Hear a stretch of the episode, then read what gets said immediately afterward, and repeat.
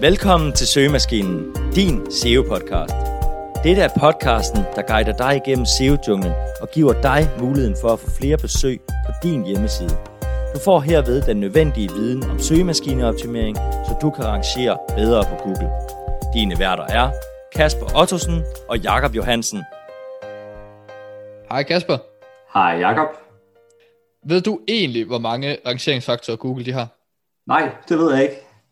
For altså, man siger egentlig, at de har over 200, men det er lidt svært at finde ud af, hvad, hvad for nogle de har bekræftet, hvad for nogle de har afkræftet, og hvad for nogle der egentlig for den sags skyld har øh, den højeste betydning for dine rangeringer, og hvilke nogen, som man godt må negligere lidt. Og det er også derfor i den her episode, at vi skal gennemgå 18 af nogle af de her rangeringsfaktorer, så du kan få lidt indblik i, hvad du skal holde øje med. Og hvorfor er det egentlig, vi skal det, Kasper? Jamen, grunden til, at vi i dette afsnit skal snakke om forskellige ranking factors, er egentlig at skabe en form for forståelse af, hvad Google og andre søgemaskiner bruger til at bestemme, hvem der skal rangere nummer et i søgeresultaterne. Det er blandt andet øh, offsite-elementer, onsite elementer, brugeradfærd og domæne-elementer. Øh, første punkt, det er offsite. Og netop inden for offsite, rangeringsfaktoren, så er den den første, vi vil tale om, det er de her, hvad hedder det, referring domains. Og referring domains er jo så de antal domæner, som linker til dit domæne. Ud fra Backlinkus undersøgelse på over 1 million søgeresultater, der er de fundet ud af, at det måske er en af de vigtigste rangeringsfaktorer. Undersøgelsen viser, at dem, der typisk rangerer nummer 1 på de her over 1 million søgeresultater, de også har væsentligt flere antal referring domains, end dem, der rangerer nummer 2 og nummer 3 for den sags skyld faktisk så ligger niveauet på omkring de her, hvad hedder det, 250-300 referring domains for dem, der rangerer nummer 1, og faktisk kun omkring de her 150 på dem, der rangerer nummer 2 i søgeresultaterne. Så der er en væsentlig forskel her. Og ud fra det, så kan du altså se, at du egentlig skal fokusere på at få nogle flere af de her referring domains, altså unikke domæner, der linker til dig. Men du skal også huske, at antallet af dine links, de faktisk også betyder noget for dig. Så Kasper, vil du ikke også lige nævne det kort? Yes. Fordi antallet af indgående links til din hjemmeside har betydning. Også selvom du modtager flere links fra den samme hjemmeside. Det har Moss lavet en undersøgelse, der viser, at selvom du får flere links fra en, en hjemmeside, så har det en betydning for din rangering. Det er dog vigtigt at sige, at det første link er mere betydningsfuldt end de næste. Det næste punkt, det er anchor text. Google de bruger ankerteksten til at finde ud af, hvad, for en, hvad den side, der bliver linket til, egentlig handler om. Så hvis jeg for eksempel har en side, der handler om snørbånd, så vil jeg gerne have en ankertekst, der hedder snørbånd, eller bedste snørbånd, eller sådan bind snørbånd, alt efter hvad jeg gerne vil arrangere på, men så det er snørbåndsrelateret, fordi så, så forstår Google, at min side den handler om snørbånd. De skriver faktisk, øh, nu Google, det, hvad hedder det, startede med det her program fra Stanford University, og de skriver blandt andet det her med, at ankerteksten egentlig ofte giver en mere konkret beskrivelse af, hvad den her hjemmeside, der bliver linket til, handler om, end selve den side, der rent faktisk bliver linket til, gør. Altså det her on-site-mæssige content. Det er også derfor, at ankertekst har en stor betydning for Googles rangeringer. Dog kan det sagtens være, at det her statement, det har ændret sig lidt, nu hvor Google også har, og deres algoritme for den sags skyld, har, har udviklet sig en del, hvor de blev meget bedre til at finde ud af, hvad, hvad hjemmesiden, eller den her specifikke URL egentlig handler om det næste punkt er, at du skal kigge på, hvilken værdi den URL har, som du har fået et link fra. Hvis du selv lægger meget værdi på en specifik URL på din egen side, så du dermed linker mere internt til denne, og der også bliver linket eksternt til denne side, så vil den URL også kunne give mere linkværdi ud, når du linker ud til andre sider. Så det er super vigtigt, at du er opmærksom på, at du også får links fra de rigtige sider. Lige præcis, Kasper. Og et eksempel på det her, det kunne være, at hvis du får et link fra forsiden på en hjemmeside, så vil den typisk vægte mere end et lille blogpost, der er lidt længere nede i linkstrukturen på selve hjemmesiden, og ikke får lige så mange eksterne links fra andre hjemmesider. Den sidste rangeringsfaktor, vi skal snakke om inden under off-page SEO, det er redirects, og mere specifikt 301 redirects. Der har nemlig været spekuleret i, at de her permanente 301 redirects, de er bedre end normale links HTML-links.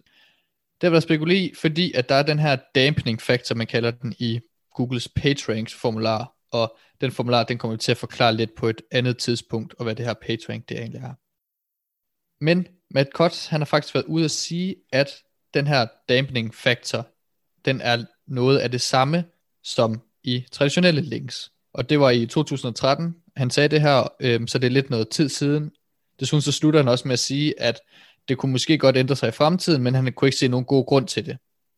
Og for personligt for vores synspunkt, så vil vi også sige, at de giver os rigtig fin mening, at den har nogenlunde samme værdi som et almindeligt links, og derfor vil vi ikke anbefale, at man begynder at spekulere i, om man skal have alle sine links med 301 redirects i stedet for traditionelle links. Desuden så vil det også se lidt unaturligt ud, hvis man ikke havde en, en blanding af det ene og det andet. Så er vi kommet til on-site specifikke ranking factors. Den første ranking factor er det, at din site skal være mobile friendly. I år 2015 kom Google ud og sagde, at de ville til at favorisere mobilvenlige hjemmesider igennem deres algoritme. Senere hen i september 2020 begyndte Google at indeksere mobile first, så der er stor fokus på, at du skal have en mobilvenlig hjemmeside. Hvis du gerne vil tjekke, om din side er mobilvenlig, så kan du bruge Googles Mobile Friendly Test og kigge i Google Search Console og se, om der er nogle fejl på din mobilvenlige side. Det næste på listen, som onsite-mæssigt, det er det her page loading speed. Det er ikke noget, som gør, at du springer op i søgeresultaterne, men i en konkurrencepræget niche, så kan det faktisk godt betyde noget for dine rangeringer, og du måske kan rangere nummer 1 i stedet for nummer 2. Her har John Müller været ude og sige på blandt andet Twitter, at man ikke skal fokusere på en specifik term i forhold til hastighed, men måske skal kigge lidt mere bredt, og det bliver også bekræftet i det her Googles PageSpeed Insight tool, som kigger på forskellige ting og bedømmer hastigheden herudaf. Det næste ranking factor, du skal have fokus på, det er dit title tag. Fordi Google bruger nemlig dit title tag til at forstå, hvad din side den handler om. Og derfor så er det en vigtig ranking factor for Google. Derudover vil dit title tag også påvirke din CTR, som vi også kommer til at snakke om lige om lidt. Nu er vi kommet til SSL-certifikater, og det er endnu en rangeringsfaktor, som John Müller faktisk har bekræftet. Der har været lidt misforståelse om, om man skal have det her HTTPS før overhovedet at blive indekseret. Det er ikke et krav, men det er en rangeringsfaktor derimod. Og det skyldes selvfølgelig, at det er vigtigt for Google, at deres brugere ved, at de kan browse sikkert rundt på internettet, øh, og derfor så vil de gerne have, at de fleste af de her hjemmesider, de har en sikker hjemmeside. Den næste rangeringsfaktor er, om du skal have keywords i din H-tags, for eksempel din H2 og H3'er. Google har været ude og sige, at de bruger HTML til at forstå sidens struktur, og dermed er H-tags også vigtigt for dette. Det kan derfor også være en god idé at lave en indholdsfortegnelse, der det også kan hjælpe Google med at forstå strukturen på din side. Neil Patel han har prøvet at teste det, om disse H-tags er så vigtige. Det har han gjort ved at lave en test, hvor han har delt hjemmesider op i fire forskellige grupper. Den første gruppe fik fjernet sine H-tags, men de beholdt størrelserne på skriften, så det forbrugeren lignede, at der stadigvæk var overskrifter. Den anden gruppe fik fjernet alle sine H-tags, så du ikke kunne se, at der var nogen form for overskrifter.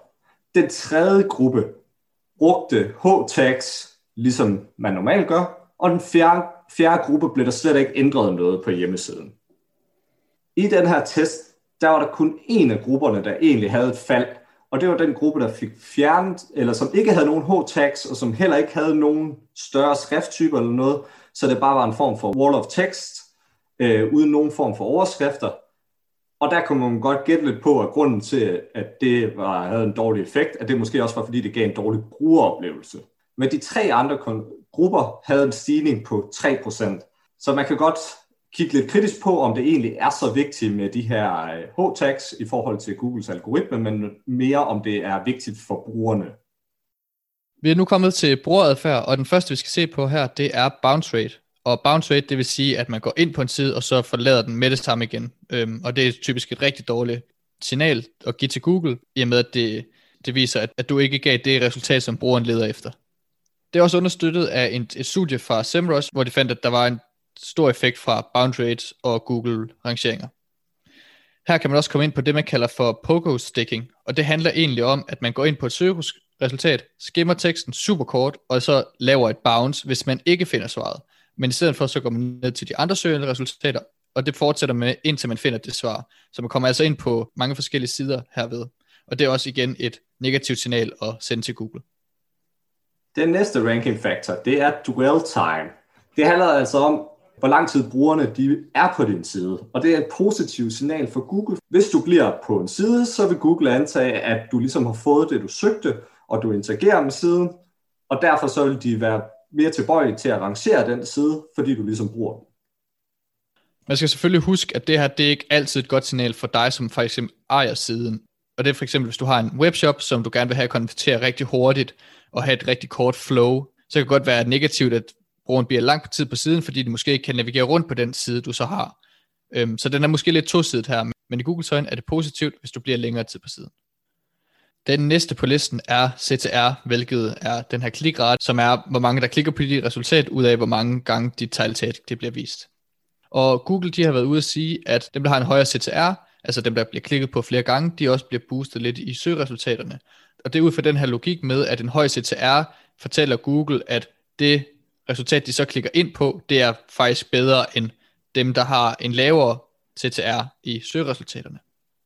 Det næste punkt på listen, det er CTR, som er den her click-through rate, altså hvor mange, der klikker på dit resultat, ud af hvor mange gange dit title tag det bliver vist ude i søgeresultaterne. Hvis man har en høj CTR, så vil den også blive boostet lidt i søgeresultaterne, altså få en højere rangering.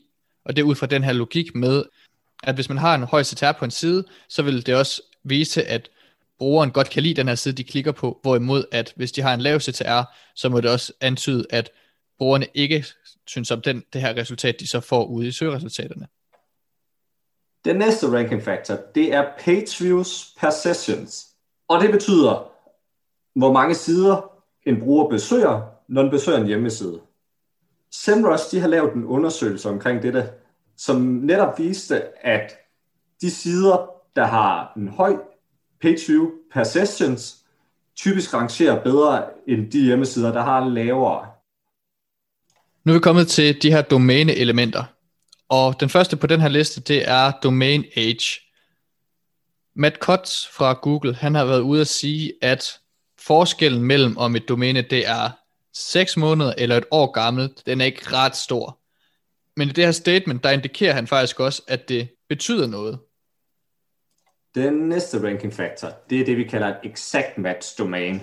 Og et exact match domain, det er, hvis du laver søgningen billig bredbånd, at så har du domæne, der hedder billigbredbånd.dk. Det, der har tidligere været en form for ranking factor for Google, i dag vil jeg dog ikke være helt sikker på, om det stadigvæk er en ranking factor, men det har i hvert fald en positiv effekt i det, at en exact max domain vil få en bedre klikrate i Google, der ligesom ser ud til at være den helt perfekte hjemmeside for brugeren.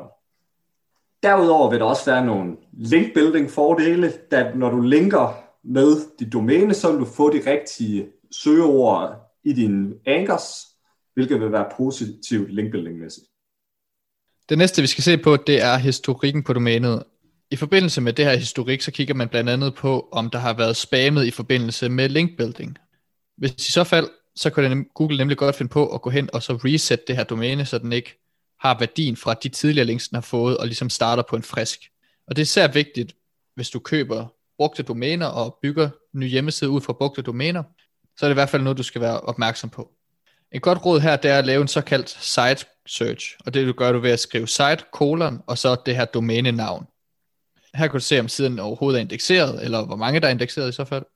Du kan også bruge Wayback Machine, hvor du kan slå domænet op og faktisk se ud, og faktisk se, hvordan domænet det har set ud førhen, og se, hvad der egentlig tidligere har været på domænet, hvilket også er en god indikator på, om det har været brugt i forbindelse med noget spam eller lignende. Den sidste ranking factor, vi vil snakke om i dag, det er den, vi kalder topical relevance. Og det handler grundlæggende om, at når du har et site, hvor du for eksempel skriver om biler, at du så holder dig til at skrive om emnet biler. Hvis du vælger at hoppe over i et helt andet emne, så vil du ikke opbygge den her topical relevance, og derfor vil du heller ikke rigtig blive en autoritet inden for det her emne, hvilket Google helt sikkert vil favorisere. Lige præcis, Kasper. Og det ser man blandt andet i det her EAT, som Google de fokuserer på, det her med, at det er expertise, authorityness og trustworthiness.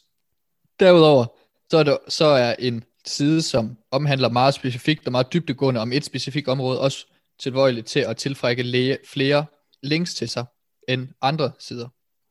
Det var alt, hvad vi nåede for denne her episode, men husk, at søgemaskinernes algoritmer også ser på andre faktorer end dem, vi har nævnt i det her afsnit. Desuden favoriserer podcast-algoritmen anmeldelser.